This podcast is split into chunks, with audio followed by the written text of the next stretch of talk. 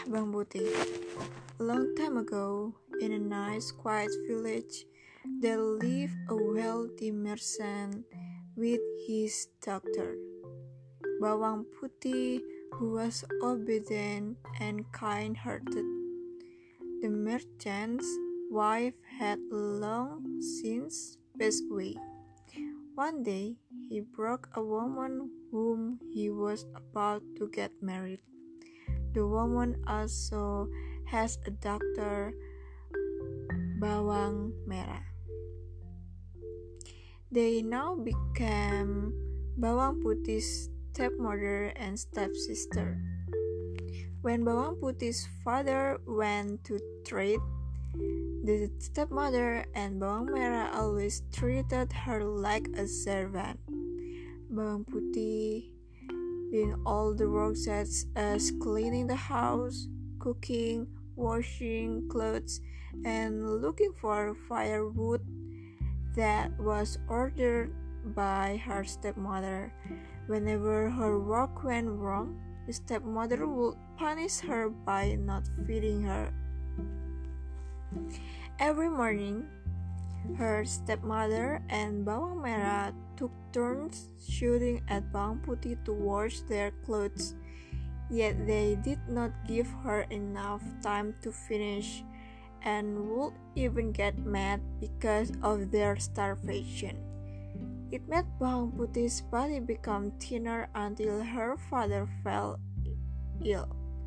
She was very sad because of it. She never left her father alone, but then God decided differently. Her father died. She said in tears, Father, don't leave Putih. All her life was more miserable. Yet her stepmother and Bawang Merah were excited because the property and house of Bawang Putih's father now belonged to them. They further turned her. Sometimes she would cry at night. One day, Bawang Putih went to the river to wash clothes. She was sleepy and hungry. She didn't realize that her stepmother's favorite shawl had washed away. It was drifting down the river. She said, Oh no, mother's favorite red scarf is gone. I daren't go home, she will scold me. Bawang Putih met a farmer who was washing his cow and asked about the red scarf.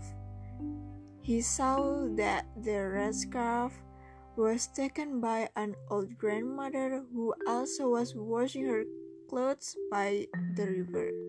She lived in the mountain. Bawang Putih immediately headed up the mountain, and, the, and there she found a wooden house and met the grandmother. There was one condition that the grandmother would give the red scarf back to her. Bawang Putih must help the grandmother first to cook, look for firewood, clean the house, and wash clothes. It was so easy for her because she used to doing it. Finally, she finished it all and the grandmother gave her the shawl and asked her to choose a gift between a small pumpkin and a large pumpkin. Putih chose the small pumpkin and not the large one, the large one because she also carried a basket full of clothes. The grandmother gave her advice to not open the pumpkin until she arrived home. She was being scolded by her stepmother and Bawang Putih at home, Bawang Merah at home, but they stopped and asked her to cook the pumpkin instead. Surprisingly, when she split the pumpkin, there was full of sparkling and expensive jewelry inside. Her stepmother and Bawang Merah asked her how did she find it out. Bawang Merah wanted to choose the large one so that she would get more jewelry than Bawang Putih. It gave the stepmother and an idea to wash away the red scarf again in the river. The stepmother and Bawang Merah pulled the red scarf down the river and was taken by the grandmother to the mountain. Merah felt tired because it was so far, but finally they arrived at the grandmother's house. They were asked to help the grandmother doing the same work as Putih and choose the large pumpkin afterwards, but didn't obey the grandmother's advice. They opened it before arrive home, arriving home. They were impatient to see the jewelry inside.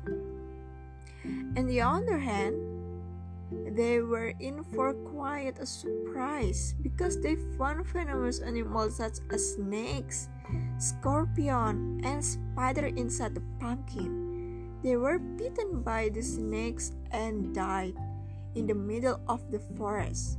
Their greed brought them to disaster. Meanwhile, Bawang Putih became wealthy because of the jewelry she had and continued her father's business. She enjoyed the fruit of the obedience and kindness. So, thank you for listening my story from EF Blog. See you.